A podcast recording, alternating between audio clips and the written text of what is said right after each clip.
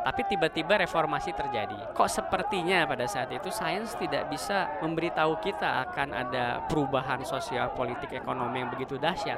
Hadirin sekalian, Robi Muhammad, pengelana statistika, fisika teoritika, hingga ilmu sosial dan humaniora. Anda sedang mendengarkan Sains Sekitar Kita. Sains Sekitar Kita. Produksi KBR dan The Conversation Indonesia.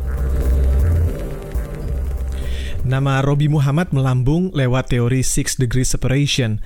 Dia tokoh penemu nasional versi majalah Tempo, ilmuwan statistika dan sosiologi sekaligus, dan tercatat sebagai penyaji pidato kebudayaan paling muda dalam sejarah forum yang digelar Dewan Kesenian Jakarta itu.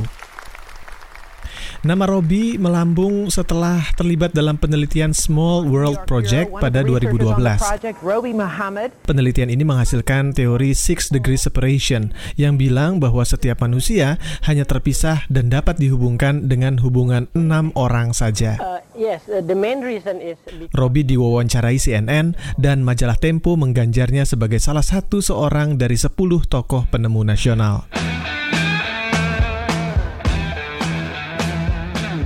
Saya tuh ya biasa lah waktu SMA sebenarnya saya biasa-biasa pemain band waktu SMA musik blues jazz uh, Jimi Hendrix dari semua mata pelajaran yang saya kenal saat itu fisika yang buat saya paling masuk akal realitas paling fundamental itu bisa-bisa kita ketahui melalui fisika. Anak dosen dan dokter ini akhirnya kelar kuliah dengan skripsi tentang lubang hitamnya Stephen Hawking yang bukunya sudah tamat duluan dibaca saat dia masih di bangku SMA.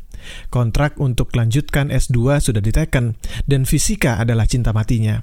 Sampai muncul peristiwa 98 tapi tiba-tiba reformasi terjadi. Kok kita nggak dikasih tahu rupiah bakal 12 ribu, presiden bakal turun, bakal terjadi konflik sektarian di Maluku, di Ambon misalnya. Saya merasa jika sains bisa memberi tahu rahasia asal-usul alam semesta, kok sepertinya pada saat itu sains tidak bisa memberitahu kita akan ada perubahan sosial, politik, ekonomi yang begitu dahsyat gitu. Jadi saya mulai tertarik dengan ilmu sosial pada saat Ke Columbia University dengan tanda tanya di kepala, Robi tahu dia akan melintas dari fisik fisika, tapi belum tahu akan ke mana. Kebetulan saat itu pendekatan interdisipliner lagi merekah. Ilmu sosial dan eksakta saling membuka. Teori kompleksitas itu loh pendekatan yang memakai fisika, statistika, matematika untuk mengerti fenomena sosial sedang hot-hotnya. Kebetulan juga kampus Robi menyelenggarakan program Quantitative Methods in Social Science, semacam pendekatan kuantitatif untuk ilmu-ilmu sosial. Maka di situlah dia berlabuh masalah yang dihadapi oleh peradaban manusia sekarang ini kebanyakan ya masalah sosial, terorisme, kemiskinan, ketidakadilan ekonomi, ketidakadilan sosial. Bahkan katakanlah apa pemanasan global eh, selain tentunya ada hal teknis, tapi juga kan itu intinya dari perilaku manusia gitu kalau kita lihat sedikit mungkin dari sejarah, katakanlah yang pertama maju itu fisika, karena kebutuhan manusia saat itu itu untuk menaklukkan alam. Nah, kita kita merasa diganggu atau dibatasi oleh alam. Tapi kita sekarang kita sadar yang mengganggu membatasi itu sesama manusia sendiri. Kuliah dan penelitian selama 10 tahun di Amerika dengan gelar doktor sosiologi, Robi memutuskan pulang ke Indonesia.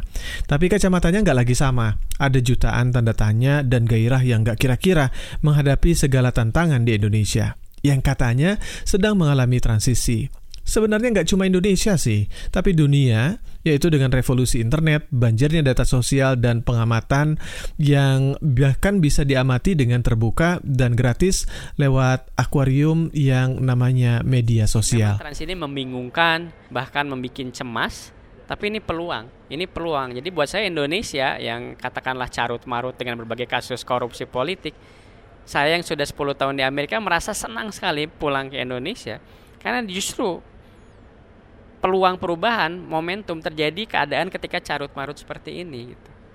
Sejarah sudah menunjukkan selalu seperti itu. Apakah banjir data bisa membuat ilmu sosial justru lebih mudah menerka soal manusia?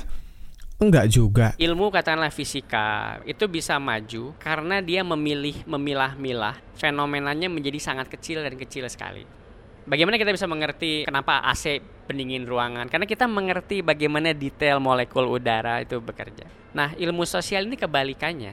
Kalau kita mengerti perilaku satu individu, tapi ketika dia digabung menjadi kolektif jutaan, ribuan jutaan atau miliar individu, ini sama sekali kita tidak mengerti. Jadi istilah ini yang disebut dengan problem agregasi. Menangkap pola-pola itu adalah tantangan ilmu sosial saat Kompleks ya. Apakah mungkin menyelesaikan soal-soal peradaban dengan ilmu sosial dan eksakta pada saat yang sama? Bisa, tapi nggak cukup katanya. Saya tidak mengkritik katakanlah sains atau rasionalitas, tapi itu tidak cukup. Karena perubahannya begitu dahsyat. Kalau kita tidak memiliki kemampuan emosional, kita akan lumpuh. Ini yang menurut saya sekarang saya juga sedang belajar bagaimana mengajarkan kematangan emosional itu, keberanian, uh, kejujuran, keingintahuan kanak-kanak dan cinta ini tadi gitu. Cinta dalam arti mengerjakan sesuatu bagaikan ya dimabuk cinta, bukan rasional. Gitu. Kata Robi kita perlu kembali pada teks-teks sastra menoleh dan berbicara pada manusia, seperti sajak sebatang lisong yang dibikin Rendra. Kita mesti berhenti membeli rumus-rumus asing. Dektat-dektat hanya boleh memberi metode, tetapi kita sendiri mesti merumuskan keadaan.